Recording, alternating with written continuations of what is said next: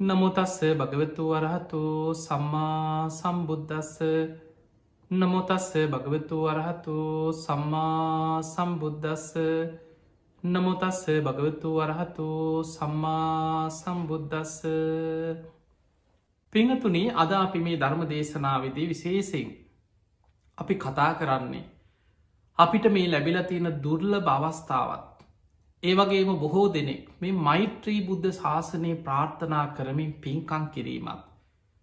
ඒවගේම බුදු පසේ බුදු මහරහත්තන් වහන්සේලා හැටියට අපි සාමාන්‍ය කෙන තුන්තරා බෝධියකින් නිවන් දකින. මොකදද මේ තුන්තරා බෝධිය කියලා කියන්න. කොහොමද මේ ධර්මාවබෝධය පිණිස යන ගමන කෙනෙක් ඒ වෙනුවෙන් කරන කැපකිරීම. ඒ වගේමයි මේ ගෞතම බුද්ධ ශාසනය තුළ මේ යුගේ තුළ මෛත්‍රී බුද්ධ ශාසනයේ ප්‍රාර්ථනා කරගෙන පින්කං කිරීමේ. අපි පින්කං කරල මෛත්‍රී බුද්ධ ශාසනයේ ප්‍රාර්ථනා කිරීමේ.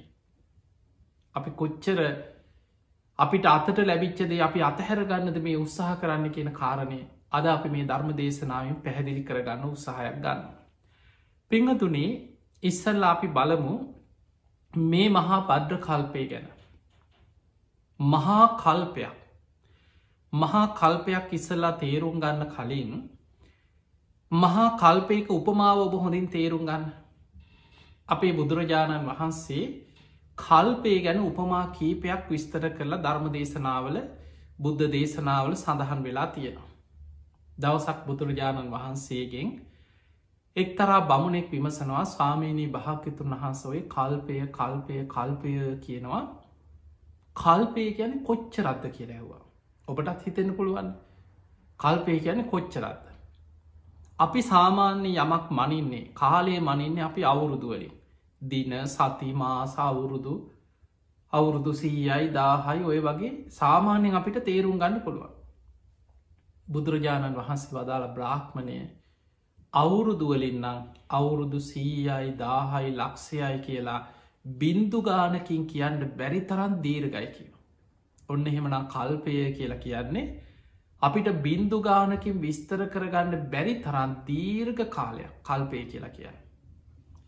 එතකට ඔබට හිතන්න පුළ බින්දු ගානකින් කියන්න බැයිනම් කොහොමද මේක තේරුම් ගන්න කියලා. දැන් අපි නිකං ඔබ හිතන්න ඔබට කවුරු හරි කියනවා එකයි බින්දු දෙසිය පණහක් විතර. ඔපට හිතාගන්න පුළුවන්ද. අපිට හිතාගන්නවත් බෙල්ලියාගන්නොත් බෑනේ හිතාගන්නවත් පුළුවන්කමක් නෑ. අන්න ඒ වගේ. හැබැයි අපිට සමහර දේවල් බින්දුගානෙන් අපිට තේරුම් නැත්න සමහර උපමාවකින් ටිකක් තේරෙනවා.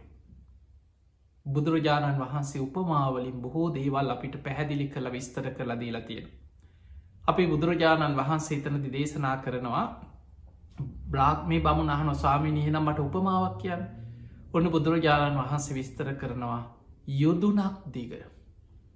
යොදුනක් පලල යොදුනක් තරං උස. යොදුනක් ඇන සැතපුම් දාසය සැතපුම් අපිනි හැතැම්ම දාසයක් කෙළ හිතන දිග පලල උස තියෙන විශාල ගලක් ගැන හිතන ගල් පරෝතයක් ඔබට එච්චට ලොකු ගලක් මතක් එන්න ඇතන් දන්න විශාල ගල් පරවතයක් හිතාගන්න සීගිරි ගල වගේ හරි මොකක් හරි කලක් ගැන. එතකොට විශාල ගල් පරවතයක් තියනවා. යුදුනක් දිග යුදුනක් පලල යුදුනක් උස. බුදුරජාණන් වහන්සේ වදාළ අවුරුදු සීයකට එක වතාවක් ඉතාම සිනිතු සලුවකින් කෙනෙක් මේ පර්වතය උඩින් පිසදාගෙන යන එක වතාවයි අවුරුදු සීයකට එක පාරයි. ආයමත් අවුරුදු සීයක් අවසන්න වනාට පස්සේ මේ පර්වතය උඩින් තව කෙනෙක් යන්තන් උඩින් පිහදාගෙන යනවා. ආයමත් අවුරුදු සීයකට පසේ කාල තිබ කසී සලු කියල ඉතාම සිනිදු සලු. අවුරුදු සීයකට එක පාරක් මේ පර්වතය උඩින් යන්තන් සලුවකින් පිසදාගෙන යන. ඒ පිස දැමීම නිසා මේ පර්වතයේ යම් ප්‍රමාණයක් ඉතාම ස්වල්පයක් හෝ ගෙවෙනවද. ඒ විදිහට ගෙවිලා ගෙවිලා ගෙවිලා ගෙවිලා ගෙවිලා මේ පරෝතයේම ගෙවිල් අවසන් වෙන දවසක් එයිද. මහනෙන මහා කල්ප එකක් කියන්නේ ඒ වගේ කාලයක් කියව. එතකුට නිකං ඔබ හිතාගන්න ඔන්න. ඊළඟට දැන් ඔබ දැකලා තියෙන විශාල ගල් නිකන් ගල් පතුරු ගැන හිතන්න ගෙවෙන් නැද්ද කියලා. කාලයක් යනකොට ඔය චෛත්‍යවල අල්ලල තියෙනවා සල පතල මළුව කියල ඔබ දන්නවා රුවන්වැලි මහා සෑය තියෙනවා බොහෝ චෛත්‍යවල ගල් පතුරු අල්ලනවා මළුවට සැහ මළුවට එදකොට මිනිස්සු සිය දහස් ගණන් නිතර යන එනකොට හැම වෙලා මේ යටිපතුලට මැදිලා පෑගිලා සමහර තැංගොල නිතර මදින තැංගොල චුට්ටක් මැදිලා පොඩි වල වගේ හැරෙන. තවත් තේරුම් ගන්න හිතන්න මෙහෙම ගෙදර මිරිස් ගල මහගෙදර පරණ ගෙදරක මිරිස් ගලක් ගැන හිතන් අලුතෙන් ගෙනාපු මිරිස් ගල වගේ නෙමෙයි පැරණි තමාර පරම්පරා දෙක තුන පාවිච්චි කරපු ගෙවල්වල පරණ මිරිස් ගලවල්තිය ඒ ගලේ මැද හැරිලා තියෙන නිකම් වලක් වගේ පොඩි කානුවක් වගේ හැරිලා. ඇයි නිතරම මැදලා මැදලා මැදලා මිරි සබරලා ලූුණු තලලා අම්බෝල හදලා නිතරම අර ගල් ගල යන්තන් නිකන් ගෙවෙනවා. එතකොට හිතන්න දවස ගානය අර වගේ මිරිස් ගලක ලූුණු මොනවාහරි මේවා අම්බරලා අම්බරලා ගෙවෙන්නේ දැ මේ උපමාව බුදු හාන්දුරු පෙන්න්න උපමාව හිතන් අවුරුදු සීයකට එක වතාවක්. ඉතාම සිනිදු සලුවකින් යන්තම් පරවතයක් උඩින් පිසදානවා විතරයි. නිකන් සූරගෙන අතුල්ලගෙන යන නොනෙමේ යන්තන් උඩින් පිසදානවා. ඒ පිස දැමීම නිසා යම් ප්‍රමාණයක් ගෙවෙනවද. ආය අවුරුදු සීයකට වතාවක් යන්තම් සල්ුවක් උඩින් පිසදාගෙන යන. අර විශාල ගල් පරතය පුංචි මිරිස් ගලන්නෙම යොදුනක් දික යොදුනක් පලල යොදුනක් උස මහා ගල් පරවතයම ගෙවිල අවසන් වෙන දවසක් එනවද මහනිනි මහා කල්ප එකක් කියන්න ඒ වගේ දීර්ඝ කාලයක් කිව. ඔන්න කල්පයක උපමාව තේරුම් ගන්න තව එක උපමාවක් තියෙන මේ දෙකෙම ඔබට කල්පය තේරුම් ගන්න පුළුව. දෙවනි උපමාව තමයි එතනදිත් බුදුරජාණන් වහන්සකින් අහනවා සාමීනි භාකතුන් වහසොයි කල්පය කල්පය කියන කල්පය ගැන කොච්චරද. ඔන්න බුදුරජාණන් වහන්සේ කල්පය විස්තර කරා එතනත් යුදුනක් දිග යොදුනක් පලල අර සැතපුම් දාසයක් දිග පලල ඒ තරං උස අබකන්දක් ගැන හිතාගන්න කිය. අබෑට ඔබ දන්න ඉතාම පුංචි අබෑටේ කිය. එතකොට ඒ වගේ අබ කන්දක් තියෙනවා පුංචි කන්දක් නෙමෙයි ඔබ දැකලයි සමහරලාවට මොනොහරි ගොඩ ගහන කඳුවගේ හැදෙනවන්. මේ අබම ගොඩගහපු අබ කන්ද සැතපුම් දාසයක් දිග පලල උස ඇති විශාල අබ කන්දක්. අවුරුදු සීයකට එක පුංචි අබෑටයක් අයින් කරන. ආයමත් අවුරුදු සීයක් අවසන් වෙනකොට තව එකා බෑටයක් අයින් කරන. තවත් අවුරුදු සීයක් අවසන් වෙනකොට තව පුංචි එකා බෑටයක් අයින් කරන. මහනෙන යම් දවසක් එනවද මේ විශාල අබකන්ද අවසන් වෙන. අබ පර්වතයම අවසන් වෙන. මහා කල්ප එකක් ඒ වගේ කාලයක් කියව. මතකතියාගන්න ඔය මම් විස්තර කරේ ඔබට කියලා දුන්නේ මහා කල්ප එකක කාලය අපි මේ ඉන්නේ එවැනි මහා කල්පයක් මේ කල්පයට කියන්නේ මහා බද්්‍ර කල්පය කියලා. ඇයි මේ කල්පයට මහා බද්්‍ර කල්පය කියන්නේ. බුදුරජාණන් වහන්සේලා පස් නමක් පහළ වෙන කල්පයක් මේ. හැබැයි මතකතියාගන්න ලෝකයේ මේ වගේ විශාල කල්ප සිය දහස් ගණන් ගෙවිලා යනවා බුද්ධ ශූන්‍යයි. මහා කල් පාසංකේය බැකින් ගෙවිලා ගිහින් තියෙනවා බුද්ධ ශූන්‍යයි බුදුවරු පහළ වෙලා නෑ ලෝකෙ කලාතුරකින් කල්පයක බුදු කෙනෙක් පහළවෙන්. සමහර කාලවෙල කලාතුරකින් බුදුවරු දෙනමක් පහළ වෙන එකම කල්පේ. තුන්නම හතර නම උපරිම පහළ වෙනවනම් පහළවෙනි පස් නමක් විතර. තැන් අපි අතීත කල්ප ඔන්නේ අපි ඉන්න කල්ප ගැන හිතම. අපි මේ ඉන්න මහා බද්්‍ර කියන කල්පේ බුදුවරු පස් නමක් පහළ වෙන කල්පේ. දැන් ඔන්න ඔබ කල්පෙ තේරුම් ගත්තා අපි ඉන්න මොන කල්පයද කියලා දැනගත්තා. මේ මහා කල්ප එකකට අන්තක් කල්ප හැට හතරේව හතරක් තියෙනවා. ඔන්න දැන් අර මහා කල්ප එක කොටස් හතරකට බෙදෙනවා. ඒ හතරෙන් හතර කියන්නේ අන්තක් කල්ප හැට හතරේව හතරක් තියෙනවා. ඒ අන්තක් කල්ප හැට හතර වෙන්නේ මේ විදිහට. පළවෙනි අන්තක් කල්ප හැට හතර ඒ හැට හතරක් වෙන්නේ මේ ලෝකයේ ජීවත්වෙන මනුස්සයන්ගේ ආවිෂ කාලෙකට ටික්ක ටික ටික ටික ආවිශ වැඩිවෙවී වැඩිවෙවී මිනිස්සු ගුණ ධර්ම පුරණකොට ආවිශ වැඩි වෙලා වැඩි වෙලා අවුරුදු අසංකේයට වැඩිවෙන. ඒ වැඩි වෙච්චාවිශ එතන ඉදං අඩු වෙලා අඩු වෙලා අඩු වෙලා අඩු වෙලා කාලයක් යැනකොට මිනිස්සුන්ගේ ආවිශ අවුරුදු දහයට අඩුවෙනවා. අර අවුරුදු අසංකේයට වැඩි වෙලා අවුරුදු දහයට අඩු වෙලා එතනින් පස්සේ අවුරුදු දහයට ආවිශ පිරිහෙනකොට කෙලෙස් වැඩි වෙලා අකුසල් බලවත් වෙලා අන්තක් කල්ප විනාසයක් වෙන කල්ප විනාස නෙමේ අන්තක් කල්ප විනාසයක් ලෝක ධාතුව විනාස වෙන්න ඒ ඉන්න මිනිස්සුන්ගේ විශාල පිරිසක් විනාස වෙන. එතනින් ජීවිත බේර ගන්න අය ආයමත් ගුණ ධර්ම පුරනවා. කාලයක් යනකොට අවුරුදු කෝටි ප්‍රකෝටි ගානක් යනකොට ටික ටිකාවිශ වැඩි වෙලා වැඩි වෙලා ආයමත් අවුරුදු අසංකයට වැඩි වෙන. එතකොට අර වගේ අවුරුදු දහයේ දං අවුරුදු අසංකයට වැඩි වෙලා ඒ වැඩිවෙ චාවිශ අඩුවෙලා අඩුවෙලා අවුරුදු දහයට අඩුවෙනවද අන්න ඒක කාලෙකට කෙනවා අන්තක් කල්ප එකයි. ඒ වගේ අන්තක් කල්ප හැට හතරක් ගිය තැන තමයි මේ ලෝක ධාතු විනාසවීම ආරම්භ වෙන්න. ඒ විනාසවීම ආරම්භ වෙලා සම්පූර්ණයෙන්ම ලෝක ධාතුවම විනාස වෙලා අවසන් වෙන්න අන්තක් කල්ප හැට හතරක්ම යනවා. දෙවනි අන්තක් කල්ප හැට හතර ගැන විනාස වෙමින් පවතින කාලේ. ඒ විනාස වෙන හැටි තමයි ඔබට දීගනිකාය තියෙනවා ඉළඟට අංගුත්තර නිකායත් තියෙනවා ඒ දේශනාව අංගුත්තර නිකාය සඳහන් වෙනවා සත්ත සූරියෝද්ගමන සූට්‍ර බහල ඇති. සූරියාව හතකගේ ආලෝකය වැටිලා මේ පෘතුවිය විතරක් නෙමෙයි අකනිටා බඹලව දක්වා මේ ලෝක දහතුවම ගිනිගෙන විනාස වෙලා අලු දූවිලි බවට පත්වෙලා යන ඇති ලෝක ධාතුවක් විනාස වෙන හැට විස්තර වෙනවා සත්ත සුරියොද්ගමන සූත්‍රය. එතකොට ඒ සූරියාව හතකගේ ආලෝක මේ දවසෙන් දෙකින් අවුරුදු පණහකින් සීයකින් සූරියාව වැටෙනවා නෙමේ. ඒ ආලෝක වැටෙන්න්න තමයි අන්තක් කල්ප හැට හතරක කාලය දෙවනි අන්තක් කල්ප හැට හතරම වෙන්න ටිකටික විනාසවී විනාසවී ගිහිල්ලා විනාස වෙලාම යනවා. තුන්ගෙන අන්තක් කල්ප හැට හතර කියන්න විනාස වෙලාම පවතිනවා. මේ ලෝක ධාතු දිවියලෝක බ්‍රහ්මලෝක මනුස්සලෝක සතරාපාය මේ පෘතුවිය මේ සියල්ල විනාස වෙලා පවතිනවා අන්තක් කල්ප හැට හතර තුන්ගෙන අන්තක් කල්ප හැට හතර. එතනින් පස්සේ හතරවෙනි අන්තක් කල්ප හැට හතර කියන අර විනාස වෙච්ච ලෝක දහතුව ආයමත් ටික ටික ටික ටික සකස්වෙමින් පවතිනවා සකස් වෙලා අවසන් වෙන්න හැට හතරක් යනවා. ඒ සකස් වෙන හැටි තමයි තියෙන්නේ දීගනිකාය අග්ගඥ කියන සූට්‍ර දේශනාව. ඔබ අග්ගඥ සූට්‍රය අහලා තියෙනවන අන්නේ අග්ගඥ කියන සූට දේශනාව තියෙන්නේ මේ පෘතුවියක් ආයමත් මේ පොළොව සකස් වෙලා ඉස්සරලාම පොළොව හැදෙනකොට අර විනාස වෙච්ච පොළොව ආයමත් හැදෙනකොට කිරිවල යුදේ වගේ කිය. ඔබ දැකල ඇතින කිරිවල යොදේ අන්න ඒ වගේ පෘතුවිය නිකම් පුෂ්ටයක් හැදෙන්නේ. ඊට පස්සේ ටික ටික ටික ටික තමයි මේ හැබැයි මේ ලෝකෙ සත්‍යයන්ගේ විනාසයක් නෑ ඔබට හිතෙන පුලා එහෙනම් සත්‍යය ඔක්කොම දැන් කොහෙද එහිනම් ඔක්කොම නිවන් දැක්කද ඔහොම හිතන ඇතින් අන්න හොඳ කාලි කියලා හිතෙන. මතක තියාගන්න මේ ලෝක දහතුවම ගිනිගෙන විනාස වෙලා අලු දූවිලි වෙලා ගියත් මේ සත්වයන්ගේ අවසානයක් බුදු ඇසින්වත් දකින්නෑ කියල බුදුරජාණන් වහන්සේ පෙන්නවා. ඒ සියලු දෙනාම ආබස්සර නමින් ඔහේ අහසි පාවි පාවින්න කොටසක් බවට පත්වෙනවා කිය.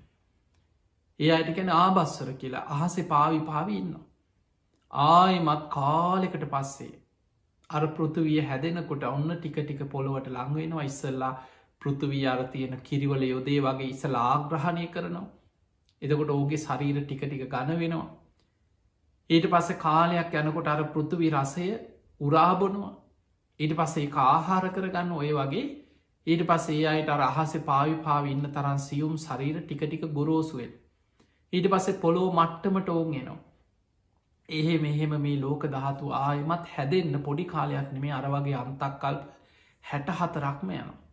එතකොට ඔන්න මහා කල්ප එකක් බෙදෙන හැටි දැන් ඔබට මොකද මේක සමහලාට හරියට තේරුම් ගත්තේ නැත්නං ඔබය ඒකයි බුදුහාදුරු පෙන්වෙන් ලෝක විසේ අචින්තයයි. අචින්තයයි ගැන සාමාන්‍ය මනුස්්‍යයාගේ හිතීමේ හැකියාව ඉක්මවාගේ දෙයක්. කෙනෙකුට හිත විපිලිසර වෙන්න පුළුවන් අම්බෝ මෙහෙමද මේ ලෝක මෙහෙමද විශ්වය මෙහෙමද. ඒ නිසා ලෝකයේ ගැන මේ ලෝක දහතු විෂය හිතල හිතල හිත විපිලිසර වෙන්න පුළ මං මේ ඔබට අපිට අවශ්‍ය මේ සංසාර බය ඇති කරගන්න අවශ්‍ය ටිකක් කෙටියෙන් කියලා දෙන මේක ඔබට අවශ්‍යමනෑ නමුත් ඔබ තේරුම්ගන්න. ඒ තේරෙනකොට ඔබට තේරෙනවා මොන තරම් භයානක සංසාරක ද අපි මේ ඉන්නේ. අපි කොච්චර ඔය වගේ කාල ගෙවලද ඉන්න අද තේරුම් නැති වුණාට. දැන් එහෙම නම් මහා කල්ප එකක් අර මුලින්ම කියපු උපමාව තේරුම් ගන්න යුතුනක් දිග යුතුනක් පලල යුතුනක් උස විශාල ගල් පර්වතයක් ගෙවෙන හැටි අර විශාල අබ කන්ද කවුරුදු සීයකට එකා බෑටයක් බැගින් ඉවත් කරලා ඒ කන්ද අවසන් ඒ තමයි මහා කල්ප එක. ඒ මහා කල්ප එක අන්තක් කල්ප හැට හතරේව හතරකට බෙදෙනවා. පළවෙනි අන්තක් කල්ප හැට හතරම මේ සත්වයන් තලතිස්ස එකක් ගැන තින මනුස්ස ලෝකයයි සතරාපාය දිවිය ලෝකහය රූපාවචර බ්‍රහ්ම ලෝක දාසය අරූපී බ්‍රහ්මතල හතරකෙන මේවැ ඉපදමින් මැරමින් කර්මාන් රූපව මේ සතරාපාය වැටි වැටි මෙහෙම ඉපදීපදියක් අන්තක් කල්ප හැට හතරක් ඒ හැට හතර අවසන් වෙනකොට අන්තක් දෙවනි අන්තක් කල්ප හැට හතර මේ ලෝක දහතුව විනාසවමින් පවතිනවා. තුන්ගනි අන්තක් කල්ප හැට හතර විනාස වෙලා පවතිනවා. හතරවෙනි අන්තක් කල්ප හැට හතර විනාස වෙච්ච ලෝක දහතු ආයමත් සකස් වෙමින් පවතින. ඔන්න දැන් ඔය ටික තේරුම් ගන්න. දැන් අපි බලමු අපි ඉන්න කොතනද. මේ මහා බද්්‍ර කල්පේ අපි ඉන්න කොතනද කියලා බලන්න. අපි ඉන්නේ අර පළවෙනි අන්තක් කල්ප හැට හතරේ හතරවෙනි අන්තක් කල්පමේ ඉන්නේ. පිංහතුනි අපි ඉන්නේ පළවෙනි අන්තක් කල්ප හැට හතරි හතරවෙනි අන්තක් කල්පෙත් අන්තිමහරේ. ඒ අන්තක් කල්ප විනාසට ළඟළඟ දැම්මඉන්නේ මේ අපි ජීවත්වෙන කාලය. මේ අන්තක් කල්ප හැට හතර මෙහෙමයි බුදුවරු පහළ වෙන්නේ. මේ මහා බද්්‍ර කල්පේ. පළවෙනි අන්තක් කල්පේ මිනිස්සුන්ගේ ආවිශ අවුරුදු දහයිඉදං ටික්ක ටික වැඩි වෙලා වැඩි වෙලා අවුරුදු කෝටි ප්‍රකෝටි බිලියන ගානක් යනකොට අවුරුදු අසංකේයට වැඩිවෙන. ඒ වැඩි වෙච්චාවිශ අඩුවෙලා අඩුවෙලා අඩුවෙලා අඩුවෙලා අවුරුදු හතලිස් දාහට අඩුවිච්ච තැන තමයි කකු සඳ කියන බුදුරජාණන් වහන්සේ මේ මහා බඩ්ඩ කල්පේ මුල්ම බුදු හාමුදුර හැටියට පහළවනි. උප බලන්න බුද්ධ දේශනා පොත්පත් හොයලා කියවලා කකුසඳ බුදු හාන්දුරු පහළ වෙනකොට ඒ කාල මිනිස්සුන්ගේ සාමාන්‍ය ආවි සවුරුදු හතලිස් දාහක් හැටියට තියෙන අදාපිට හිතාගන්නවත් බෑ. එතකොට ඒ ආවිස අඩුවවී අඩුවවී අඩුවවී ඇවිල් අවුරුදු දහයට අඩු වෙලා පලවෙනි අන්තක් කල්ප විනාස වන ඒ අන්තක් කල්ප විනාස කියන්නේ අර ලෝක ධාතු විනාස වෙන විනාසයක් නෙමේ. එතන දිවෙන්නේ මිනිස්සුන්ගේ කෙලෙස් ඇති වෙලා එක්කො මිනිස්සු ලේපි පාසේ මරාගන්නවා එක්කො ලෝකේ ගින්නෙන් විනාස වෙනවා ජලයෙන් විනාස වෙනවා සුළඟෙන් විනාස වෙනවා එහෙම නැත්නම් අවිආවිදවලින් විනාස වෙනවා. ඔය වගේ විනාසකින් ලෝක විශාල පිරිසක් මිනිස්සු මිය යනවා. ඉතුරු වෙන්නේ ඉතාම සුළු දෙනයි. එදකොට ඒ වගේ අන්තක් කල්ප විනාසකින් පස්සේ ජීවිත බේරගත් අයගෙන් ඔන්න දෙවනි අන්තක් කල්ප පටන්ගත්ත. එතවට පළවෙනි අන්තක් කල්පෙ තමයි කකු සඳ බුදු හාන්දුරු පහලවන. දෙවනි අන්තක් කල්පෙත් තර අවුරුදු දහයේ නම් බේරිච්ච ටික දෙනා ගුණධර්ම පුරණකොට ටික ටික ටික ටික ආවිශ වැඩිවී වැඩිවී වැඩිවී අවුරුදු අසංකේයටම ආවිශ වැඩියුණ. එහෙම අසංකේට ආවිශ වැඩි වෙලා ආයමත් ආවිශ අඩුවවී අඩුවවී අඩුවවී ඇවිල්ල මිනිස් ආවි සවුරුදු තිස්දාහට අඩුවෙච්ච තැන තමයි කෝනාගමන කියන බුදුරජාණන් වහන්සේ පහළවනේ. මේ මහා බඩ්ඩ කල්පේ දෙවනි බුදුරජාණන් වහන්සේ තමයි කෝනාගමන බුදුරජාණන් වහන්සේ. උන්වහන්සේ පහළ වනේ මිනිස්සුන්ගේ ආවි සවුරුදු තිස් දාහකේ කාලේ. දෙවනි අන්තක් කල්පේ. උන්වහන්සේගෙන් පස්සෙත් ඒ ආවිශ අඩුවවී අඩුවවී ගිහිල්ල අවුරුදු දහයට අඩුවෙලා දෙවනි අන්තක් කල්පෙ විනාස වුණ. එතනින් ජීවිත බේරගත්ත ඉතාම සුළු පිරිසක්. ඒ අයගෙන් පටන්ගත්ත තුන්ගෙන අන්තක් කල්පය ආරම්භේ. ඒ තුන්ගෙන අන්තක් කල්පය ආරම්භ වනාට පස්සේ දැන් ටිකටි ආවිශ වැඩි වෙලා වැඩි වෙලා අර වගේම අවුරුදු අසංකයට වැඩි වුණ. ඒ වැඩිවෙ චාවිශ එතන ඉදං ආයමත් පිරිහෙන්න පටන්ගන්න ආවිශ අඩුවවී අඩුවවී අඩුවවී ඇවිල මිනිස් ආවිශ අවුරුදු විසිදාහ වෙනකොට කාශ්‍යප බුදුරජාණන් වහන්සේ මේ මහා බද්්‍ර කල්පයේ තුන්ගෙන අන්තක් කල්පය පහළවෙන. කාශ්‍යප බුදු හාන්දුරු. උන්වහන්සේත් පිරිනිවන් පාලයේ බුද්ධ ශාසනය තතුරු දහන් වෙලාක් ආවිශ අඩුවවී අඩුවවී ගිහිල්ල අවුරුදු දහයට අඩු වෙලා තුන්ගෙන අන්තක් කල්පෙ තර වගේ විනාස වුණා. එතනින් ජීවිත බේරගත් අයගෙන් පටන්ගත්ත හතරවෙනි අන්තක් කල්පය. එතකොට අපි මේ ඉන්න හතරවෙනි අන්තක් කල්පය. ඒ හතරවෙනි අන්තක් කල්ප මිනිස් ආවිශ අවුරුදු දහයෙන් පටන්ගත්තට එතන ඉදං ආවිශ වැඩි වෙන කාලි. වැඩි වෙලා වැඩි වෙලා වැඩි වෙලා ගිහිල්ල ආයමත් අවුරුදු අසංකේට වැඩි වුණ. එතන ඉදං ආවිශ පිරිහිලා ආවිශ අඩුවෙලා අඩුවෙලා අඩුවෙලා අඩුවෙලා ඇවිල්ලා අවුරුදු එකසිය විස්සට මඩුවෙච්ච තැන තමයි ඔබත් මම සරණගේ අපේ ගෞතම බුදුරජාණන් වහන්සේ පහළවෙන්. මේ මහා බද්්‍ර කල්පයේ හතරවෙනි අන්තක් කල්පයේ මිනිස්සුන්ගේ ආවි සවුරුදු එකසිය විස්සක් වෙන තැන අපේ ගෞතම බුදුරජාණන් වහන්සේ පහළ වුණ. පිංහතුනී බුදුවරු පහළ වෙන්න පෙර ඔබ දන්නවා හැම බෝසතාණන් වහන්සේ නමක්ම.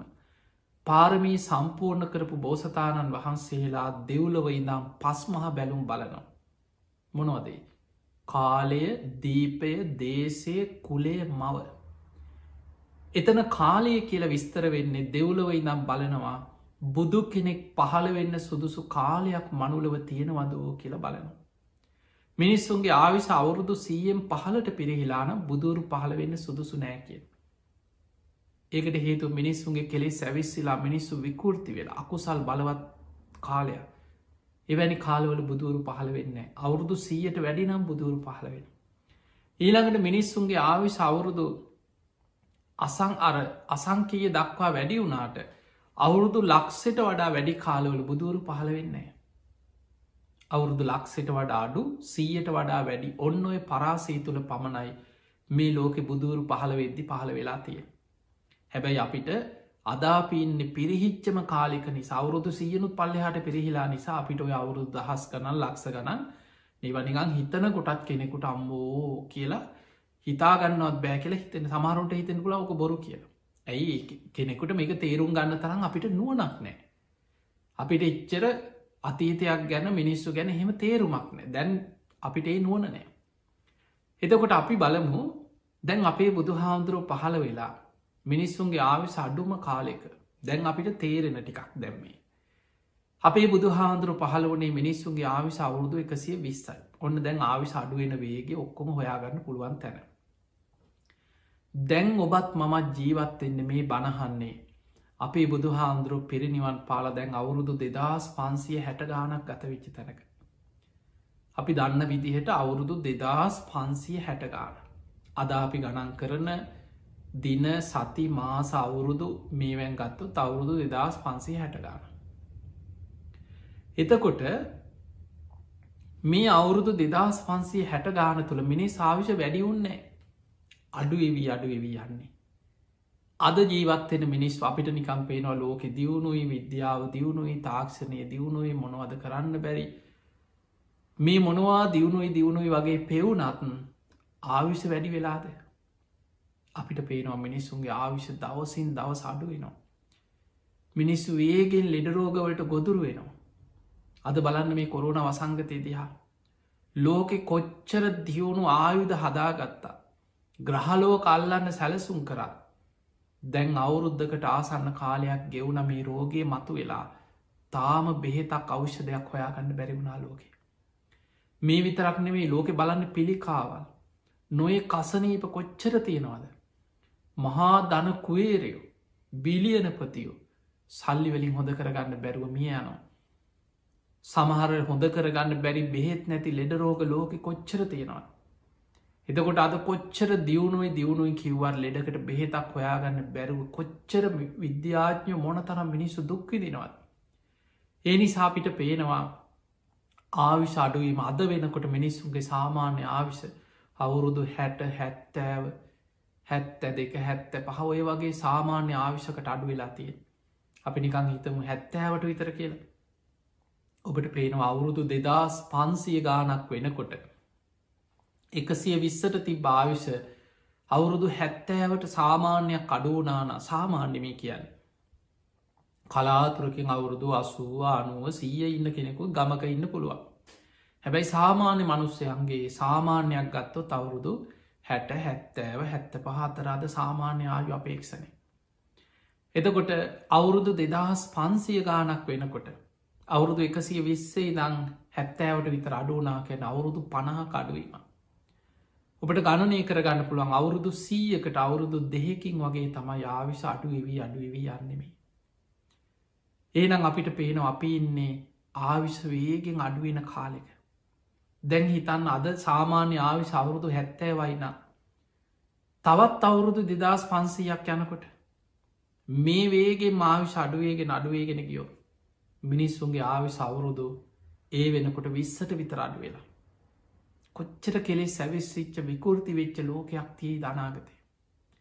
පිංහතුනි දීගනිකායේ චක්‍රවර්ති සීහනාද කෙන සූත්‍රය අපේ බුදු හාන්දුර විස්තර කරා මිනිස්සුන්ගේ ආවිශ අඩුවෙලා අඩුවෙලා අවුරුදු දහයට අඩුවෙන.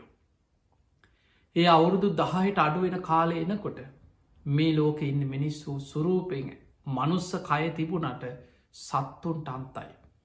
රාග දවේශ මෝ හැවිස්චිලා විකෘති රාගේ අධර්ම රාගේ විෂම ලෝබය මිත්‍යා ධර්මය බලවත් වෙච්ච. විකෘති සත්තු වගේ ලෝකයක් කියන.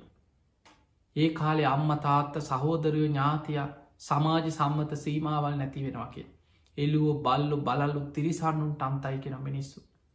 ලේ පිපාසෙන් එකනෙකා මරාගෙන ලෝකෙ ලේවිලක් වෙන්න දින හතයි කෙනව යන්න. මිනිස්සුන්ගේ ආවි සවුරුදු දහයට අඩුවෙනකොට මෘග සංඥා පහළ වෙලා මුර්ගසම් වර්සා වැහැලා අර කියන අන්තක් කල්ප අතර හතරවෙනි අන්තක් කල්ප විනාස කියන්නේ සත්ත අන්තක් කල්ප විනාසයක්. අවියාවිදවලින්ම මරාගෙන අවසන් වෙන විනාසය. අන්නේ විනාසෙන් පස්සේ දැම් මේ ඔබට විස්තර කරන්නේ අනාගත මෛත්‍රී බුදු හාදුරු පහළ වෙන්නේ කොච්චර කාලෙකින්ද. අද අපි පින්කං කර කර මෛත්‍රී බුද්ධ ශාසනය නිවන් දකින්න හිතනවට වඩා. මේ ජීවිතේ ධර්මය අවබෝධ කරන්න උත්සාහ ගැනීම කොච්චරනම් වැදගත්ද. ඒ උත්සාහය කොච්චර වැදගත්ද. අපිට අනාගතයේ මෛත්‍රී බුද්ධ ශාසනය දක්වා යන්න තියෙනෙ මොනතරම් භයානක කාලයක්ද. ලේසි පහසු කාලයක් නෙම මේ කල්පේම ඊළඟ බුදු හාන්දුරු නිකං හිටානිද්ද පහල වෙනවාගේ හිතෙන්න්න පුළුව. හැබැයි බුද්ධ දේශනාවලින් මේ කාලයක්ත් එක් අපි තේරුම් ගන්නකොට අපිට හිතාගන්න බැරි කාලයක් යනවා මෛත්‍රී බුදු හාන්දුරු පහළවෙ ඒ තරන් දීර්ගයි. අන්තක් කල්ප දැන් අපි ඉන්නේ මහා බද්‍ර කල්පය හතරවෙනි අන්තක් කල්පය. ඔබට තේරෙනවා මිනිස් ආවිශ අඩුවෙලා අවුත්තු වෙලා අවුරුදු සියනුත් පහලට අඩුවෙච්ච තැනක. අද සාමාන්‍ය ආවිශ අවුරුදු හැත්තෑවක් විතර. මේ ආවිශ අඩුවෙලා අඩුවෙලා අඩුවෙලා අවුරුදු දහයට අඩුවෙලා අන්තක් කල්ප විනාස වෙනවා.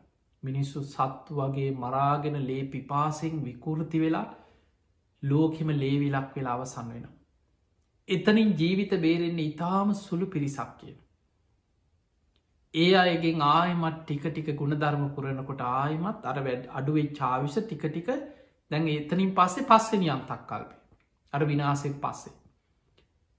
ආවිෂ දැන් ටික ටික වැඩි වෙන වැඩි වෙලා වේගෙන් වැඩි වෙනවනේ. පරම්පරාව දෙකක් යනකොට යන්තන් සතිය මාස ඊළඟ දරුව උපදිනකොට ඔන්න තව ටිකක් දවස් කීපයක් සතියක් ආවිශ වැඩි ආයමත් ඊළඟ පරම්පරාව දරුවන්ට සතියක් දෙකක් තවා ආවිශ වැඩි ඔය වගේ ටික ටික වැඩිවෙවියන්න. එහෙම වැඩිවෙවී වැඩිවෙවී වැඩිවෙවී කිහිල්ලා ආයමත් කාලයක් අවුරුදු කෝටි ප්‍රකෝටි බිලියන ගානක් යනකොට මිනිස්සුන්ගේ ආවිශ අවුරුදු අසංකයට වැඩි වෙනවා කිය. එහෙම අවුරුදු අසංකයට වැඩි වෙලා එතන ඉදං ආයමත් ආවිශ පිරිහෙන්න පටන්ගන්න. ආවිශ පිරිහිලා ටිකටි අඩුවෙලා අඩුවෙලා අඩුවෙලා මිනිස්සුන්ගේ ආවි සවුරුදු අසූදාහ දක්වාම අඩුවෙන කාලයක් එනවා. එහෙම මිනිස්සුන්ගේ ආවිස අවුරුදු අසූදාහට අඩුවෙන තැන අනාගතය ඊළඟ අන්තක් කල්පේ ඒ වෙනකොට තමයි ලෝකෙ ස්භාවේ බුදු හාමුදුර විස්තර කරනම දීර්ඝාවිශ තියෙනකොට මතක තියාගන්න අද මේ තියෙන අපිට නිකන්ගේ ආවිශවල කාලි ගැන හිතෙනකොට හිතෙන පුළුවන් කොහොමද ඉන්නේ මේ ශරීරය වුනත් මේ පවත්ත ගන්න කොච්චර අමාරුවෙන්ද අද මේ මනුස්සේකුට මේ කාලබීල ටික කාලයක් යන්නකොට ඇඟල ඉඩ වෙනවා මේ කයනම් කොහොම ගෙන යන්නද කියලා හිතෙන්න්න පුළුව. දීර්ඝ ආවිශ ඇති කාලවල මිනිස්සුන්ගේ කයේ ස්භාවය ශරීරවල ස්භාව මීට වඩා ගොඩක් වෙනස්. දැ මෛත්‍රී බුදු හාන්දුරු පහළ වෙන කාලේ බුදු හාමුදුරන්ගේ දේශනාවල විස්තර වෙනවා ඒ කාලෙ සාමාන්‍ය මනුස්්‍යයන්ට පවා අහසින් යන්න පුළුවන් හැකියාව තිබිලතියෙන. දීර ගාවිශ ඇති කාලවල සක්විති රජවරු පහළවෙන්. සිවරඟ සේනා පිරිවරාගෙන හිතන හිතන දිසාවට අහසින් යනවා කියන. එතකොට අපිට පේනවා ඒ ඒ සක්විත රජරුවන්ට චක්‍රරත්නය හස්තිරත්නය අහසින් යන ඇත්තු අස්සයෝ මේවනිකං අද අපිට සුරංගනා කතා වගේ සිහින වගේ ඒකයි සමහරුන්ට මේ ඇහෙනකොට හිතෙන ඔය බොරුව බොරු බොරු කියලා. ඇයි අපිට කිසිම අද නිකං හිතාගන්නවත් බෑය ඒ වගේ දේවල් සුරංගනා කතාවල සමහර දේව කතාව චිත්ත පටිවල ඔය ඔබ දැකළ ඇති නමුත් මේවා ප්‍රායෝගිකව අද හිතාගන්නවත් බෑඔකට පිංහතුනි දීර් ගාවිශ ඇති කාලවල මනුස්සලෝක දිවිය ලෝක වගේ සැප බහුලයිකෙන්. මිනිස්සුන්ගේ ආවිශ අඩුවෙල අඩුවෙල අවුරුදු සීයම් පහලට පිරිහෙනකොට මනුස්සලෝක අපායක් වගේ කිය. ඒමනම් මතක තියාගන්න අපි ජීවත්වෙන්නේ අපායක් වගේ මනුස්සලෝකක. හැබැයි අපේ වාසනාවට යන්තම් බණටික අහන්න තියෙනවා. බුද්ධ වචනය තියෙන හැබැයි විශාල වසයෙන් ලෝකෙ බුද්ධ වචනය නාමෙන් විකෘති පිරිලදෑ. ධර්මය විකෘති කරන අය විකෘති දේශනා බුද්ධ වචනය තමන්ට ඕන විදිහට එකඒක විදිහ විකෘති විදිහට දේශනා කරන අය ලෝකෙ පුරා පිරිච්ච කාලයක් හැබැයි ඒ අතර අර බොරොලු ගොඩවල් අතරේ රත්තරම් මැනික් නැතුව නෙමේ තියෙනවා ඒක හොයාගන්න පින් ඇති කෙනා දක්ෂ වෙන්නට ඕන් දැංග ඔබට මේ ජීවිතය ඔබ වීරිය වැඩුවොත් අඩුම ගානි සුවාන්වත්වෙන්න පුළුවන්ගුණු සතරාපායෙන් ඔබ සදහටම නිදිලා. අන්නේ උත්සාහය ඔබ ගන්න ඕන. පිංහතුනි මෛත්‍රී බුදු හාදුරු පහළ වෙන්න. මේ ආවිශ අඩු වෙලා අවුරුදු හැත්තෑවේ ආවිශ අවුරුදු දහයට අඩු වෙලා එතන ඉදං ආවිශ ටික ටික වැඩි වෙලා අවුරුදු අසංකේට වැඩි වෙලා ඒ වැඩිවෙච්චාවි අඩුවෙල අඩුවෙල අවුරුදු අසූදාහට අඩුවෙන කාලේ මෛත්‍රී බුදු හාදුරු අනාගතය ලෝකෙ පහළවේ. එතකොට අවුරුදු වලින් ගත්තොත් කෝටි ප්‍රකෝටි බිලියන ගානකට එහා තව කාලයක්. බින්දු ගානකින් කියන්න බැරි අවුරුදු කා එතකොට මේ ලෝකෙ මොන වගේ එතකොට හිතන්න මනුස්සේගේ උපත ඔබ හිතනවන අනාගත එච්චර කාලයක් යන්න ඒ යන්නේ දිවිය ලෝකෙම යන්න හම්බෙනවා නෙමේ දෙවුලවින් දෙවුලෝට බඹලවින් බඹලවට මෛත්‍රී බුදු හාන්දුරුව පහල වෙනකං ඉන්න පුළුවන් වෙනවා නෙමේ. සෝවාන් උනොත් අන්න විශ්වාසයක් තියෙනවා උපරිම ආත්මහතයි. අපායෙන් මිදිල සුගතිය. එතකොට සෝවාන් වෙච්ච කෙනෙක් නං ඒ කාන්තෙන් දිවිය ලෝකෙක බ්‍රහ්ම ලෝකෙක සුගතියක උපදිනවා. එයා සතරාපායි වැටෙන්නේ. නමුත් පෘතජ්ජනව ධර්මය අවබෝධ නොකර මෛත්‍රී බුද්ධ ශාසනය නිවන් දකින්න හිතාගෙන අතට ලැබිච්ච දේ පස්සට දාලා අතහැරලා පස්සෙ බැරියය කියලා හිතනවනන් ඔබට යන්න තියෙනෙ සතරාපාය මහගෙදර කරගත්ත ගමන. මේ යන ගමන අපායට නොවැටෙනවා කියලා කාටද සහතිකයක් දෙන්න පුළුව. කාටද කියන්න පුළුව ආවයාට මෛත්‍රී බුද්ධ ශාසනය වෙනකං අපාය වැටෙන් නැතුව යන්න පුළුවන් කියලා කාටද කියන්න පුළුවන්. පිංහතුනි මේ ආපු සංසාර ගමන මහා පින් ඇති පාරමීපුරණ උත්තමයොත් අපායි වැටුනනම් දැම් බලන්න මේ අපි කවුරුත් දන්නවා මුගලම් හාමුදුරු අසංකයකුත් කල්ප ලක්ෂයක් පෙරුම් පුරාගෙන ආපු කෙනා. අග සව් තනතුරු ලබන්. හැබැයි මේ මහා බද්ධ කල්පේම කකු සඳ බුදු හාන්දුරන්ගේ කාලි දුසී මාරය වෙලා ඉපදුන. ඒ කාලි බුදු හාන්දුරන්ට ශ්‍රාවකයන්ට හිරිහැර කරලා අපායට වැටිලා චපස්සායතනික කියලා නිරේකට වැටිලා අපායි බොහෝ කාලයක් දුක්විඳල දුක්කිඳල ඒ අකුසලේ ගෙවල තමයි ආය උඩටාව මේ ගෞතම් බුද්ධ ශාසනය අග සව තනතුරු ලැබ මේ සසරි මහා පින් ඇති අය ජීවිතේ පෙරුම් පුරාගෙන යන අයත් යම් තැනක අකුසලයක් මතුවනොත් වැරදුනොත් දුගතියට වැටෙන්න්න පුළුවන් අපායට වැටෙන්න්න පුළුවන් එවැනි භයානක ගමන අපි මේ යන්න පාරමී පුරාගෙන යන කෙනා සෝවාන් වෙලා යනව නෙමේ අපායෙන් මිදිලා යනව නෙමේ අන්න ඒකයි මේ ගමන තියෙන භයානකක. එනිසා පිංහතුනී දැන් අපි තුන්තරා බෝධිය ගත්තොත් බුද්ධ පසේ බුදු මහරහතන් වහන්සේලා. බුද්ධත්වයට පත්වෙනවා කියන එක හිතන්නවත් පුළුවන් දෙයක් නෙමේ මහා පින් ඇති වීරියවන්ත උත්තමයන් වහන්සේලා. බුද්ධෝ හවේ කප්ප සතයහි දුල්ලබූ බුද්ධ කියන වචනය පවා කල්ප සිය දහස් ගණනින් ලෝකෙ දුර්ල බයිකය. සාරා සංකයේ කල්පලක්සේ අටාසංකයේ කල්පලක්සේ සොලොසා සංකයේ කල්පලක්සේ ප්‍රඥාධික සද්ධාධික වීරි අධික වසේ බුදුවරු පාරමී පුරල තමයි බුද්ධත්වයට පත්තේ. එකන අර මුලින් ඔබට කල්ප විග්‍රහ කරනකොට මම උපමාවක් කිවේ. විශාල් ගල් පර්වතයක් ගෙවෙන හැටි ඒක කල්පයක්. එවැනි කල්ප අසංකේය හතරකුත් ඒ වගේ කල්ප ලක්ෂයක් සාරා සංකය කල්ප ලක්ෂයක් කිය. ඒ තරන් සසර පාරමී පුරල තමයි බුදු වෙන්නේ බුද්ධත්ය කරායන්න. පසේ බුද්ධත්වයට පත්වෙන නම් අසංකේය දෙහෙකුත් කල්ප ලක්ෂයක් පාරමී පුරන්න ඕන කිය. මහරහතන් වහන්සේලා අතර අග්‍රශ්‍රාවකයන් වහන්සේලා ඒකා සංකයේ කල්ප ලක්ෂයක් පාරමීපුරන. අසූ මහා ශ්‍රාවකයන් වහන්සේලා කල්ප ලක්ෂයක් පාරමීපුරන. එතනින් මෙහා අනෙක් මහරහතන් වහන්සේලා අනාගාමී අයි සෝවාන්න අයි සකදාගාමී අය ගැන මෙච්චර කාලයක් කියලා කාල නිර්ණයක් විශේසින් සඳහන් කරලා නෑ. හැබැයි අපිට පේනවා සසරි ඔය ගුණධර්ම පුරන්න ඕනේ. නමුත් අපි පෙර සසරේ මේවා වැඩුවේ නෑ කියලා කාටද කියන්න පුළුවන්. දැම් බලන්න ඒ වගේ සංසාර පුරුද්දක් තියෙන කෙනෙකුටයි බනක් අහන්න හිතෙන නැත්නම් මේ බණ ඇහෙනකොට නැකිට යන්න හිතෙනවා. බණ ඇහෙනකොට කොච්චර සමර පන්සලට බලින් ඇදගෙන කියත් බණහන තැනක ගිහිල වාඩි කෙරෙවන් නැකිට ලෑන මිනිසු නැද. බණ පටන්ගන්නකොට නිදාගන්න අය නැද. එක්ක බණ කියනකොට නින්ද යනවා. භාවනාවට ඉඳගත්ත ගමන් නින්දයන්. එල්ලි වෙනකං ඇහැරලා අනුන්ගේ කුණු ගොඩවල් කතා කර කර කාට හරි දොස් කිය කිය බැන බැන කාලේ ගෙවා දමමින් ඉන්න අයට බණක් අහන්න හිතෙන්නේ. වෙන පංච කාමයන් එක කෙලෙස් එක ජීවිතය කොච්චර දුක්කින්දත් කැපකිරීම් කරත් බණහන්න කැපකිරීමක් කරන්න හිතෙන්නේ. පිංගතුනි බණහන්න හිතෙන්නේ පෙර පුරුද්දක් තියෙනයි. සංසාර පුරුද්දක් තියෙන කෙනා ආසාාවෙන් බණහන්නේ. සසර පුරුද්දත් තියෙන කෙන ආසාාවෙන් ධර්මය දියුණු කරන්න. ඒ නිසා මේ ලැබිච් අවස්ථාව අපිට පිංහතුනි බාහිරින් මේ ධර්මය අවබ අඩුම ගානි සූවාන් වෙන්න හරි. සතරාපායෙන් මිදෙන් හරි බාහිරින් ලැබෙන් ඕන අංග දෙකාද හොඳටම තියෙනවා. කල්්‍යයාන මිට්‍ර සේවනයයි සද්ධර්මශ්‍රවනය. හැබැයි සත් කල්වාන් මිට්‍රයෝ විදිහටම පාප මිට්‍රයොත් පිරිලයි නො එකත් තේරුම් ගන්නටෝ. කල්්‍යයාන මිට සුරූපයෙන් පාප මිට්‍රයෝ පිරිච්ච ලෝකයක්. නමුත් හරියට ධර්මය හොයාගෙන යන කෙනෙකුට. බුද්ධිමත්ව නුවනින් ධර්මය හොයාගෙන යන කෙනෙකුට අසූ හාර දහසක ධර්මස් කන්දමේ ත්‍රිපිටක බුද්ධ දේශන ඔස්සේ ධර්මය හොයන කෙනෙකුට නිවැරදි බුද්ධ ශාසනයේ ධර්මය අද හොයාගන්නත් පුළුවන්. කල්්‍යයාන මිත්‍රයන්ගෙන් සද්ධර්මය අද හොඳට ඇහෙන කාලය. මේ ධර්මය අවබෝධ වෙන්න නම් ඔබ තුළ ඇති කරගන්න ඕන යෝනිසෝ මනසිකාරයයි දම්මානු දම්ම ප්‍රතිපදාව.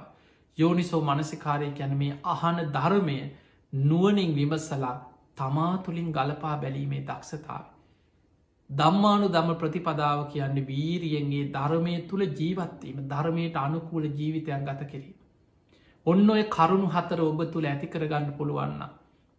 තාමත් ඔබ ප්‍රමාදනෑ මේ ජීවිතය ඔබට වීරිය වඩ අඩ්ඩුම ගානී සෝවාන් වෙන්න උත්සාහගන්න සතරාපායෙන් මිදෙන් ඒ තුළ ඔබට ජීවිතයේ මේ ධර්ම මාර්ගි හොස්මටික යන්න කලින් ලොකු ගමනක් යාගන්න පුළුව. නමුත් මේ ජීවිතය ඒ වගේ ධර්මය අවබෝධ කරන්න පුළුවන්කම තියෙද්දි. පින්කංකර කර පින්කංකර කර මෛත්‍රී බුද්ධ ශාසනයෙන් නිවන් දකිින් ඔබ හිතනවන. ඔබ පින්කං කරල මෛත්‍රී බුද්ධ ශාසනයට කල්දානවන. ඔබ අනාගතයේ විශාල අනතුරකට අත්තට ලැබිච්ච මැනික අතහැරගත්ත වගේ. ධර්මය අවබෝධ කරන්න ලැබිච් අවස්ථාව අතහැරලා කල්ප කෝට් කල්ප සාමාන්‍ය අපිට පේනවා කාලය අනුවගත් අවුරුදුවලින් අපි කවුද දන්න මෛත්‍රී බුද්ධ ශාසනයනකොට අපාහිදීද කියරනේ කෙනෙ කපායට වැටුන්න තායි ගොඩ එනකොට මෛත්‍රී බුද්ධ ශාසනත් නෑ බුද්ධ ශාසනයක් අහිමි වෙන්න පුළුවන් කාල කොච්චර තින දක්කන සූට්‍ර බුදු හාන්දුරපයන සමහරු බුදුවරු පහල වෙනකොට මන්ද බුද්ධික වෙලා උපදින මනුස්සලෝක. මිත්‍යා දෘෂ්ටික උපදිනවා. ප්‍රත්‍යන්ත දේශවල බණපදයක් ඇහෙන් නැති ඈත පලාත්තල උපදින. එක්කො අපාය වැටිලා. එක්කො තිරිසනෙක් එක්කො ප්‍රේතය. කල්ප කෝටි ගානක් යන්න පුළුවන් ආයි බුද්ධ ශාසනයක් කවද කොයි කාලෙ ලැබෙයිද මේ අවස්ථාව අතහැරුණා. මෛත්‍රී බුද්ධ ශාසනයේ ලැබුණ මුණ ගැහුණත් තව අවුරුදුවලින් කොච්චර කාලයක් අවුරුදු කෝටි ප්‍රකෝටි ගණනක් යයි. ඒ තරං අනාගතයේ විශාල අනතුරක හිත පිහිටවාගෙන අතට ලැබිච්චද අතහැර ගන්න උත්සාහගන්න එපා. ඒ නිසා මේ ජීවිතයේ ධර්මය දියුණු කරන්න උත්සාහයක් ගන්න වීරිය වඩට අමාරුයි. මේ කාලෙ කෙලෙස් වැඩි කාලයක් අකුසල් බලවත් වෙච්ච කාලයක් අධර්මය බලවත් කාලයක් මනුස්සයන්ගේ හිත කෙලෙස්වොලට ඇදගන්න කාලයක්. හැබැයි අමාරුනත් ඒ අමාරුදේ ජයගන්න පුළුවන් වීරියගන්න වීරි ඇති කරගන්න. බලන්න මේ වසංගත රෝග විපත්න් ස්වභාවික විපාත් ලෙඩරෝග මිනිස්සු කොච්චර පීඩාවකට පත්වෙනවාද. ඒ නිසා මේ ලැබිච්ච මනුස්ස ජීවිතය තුළ නිතර ධර්මය දියුණු කරන්න ධර්මය අවබෝධ කරන්න මම කොහොම හරි මේ ජීවිතය උතුම් ධර්මීම අවබෝධ කරගෙන ධර්මයම දියුණු කරගන්න ධර්මයම අවබෝධ කරගන්න මහන්සි ගන්න කෙනෙක් බවට පත්වෙනවා කියල උත්සාහ කරන්න.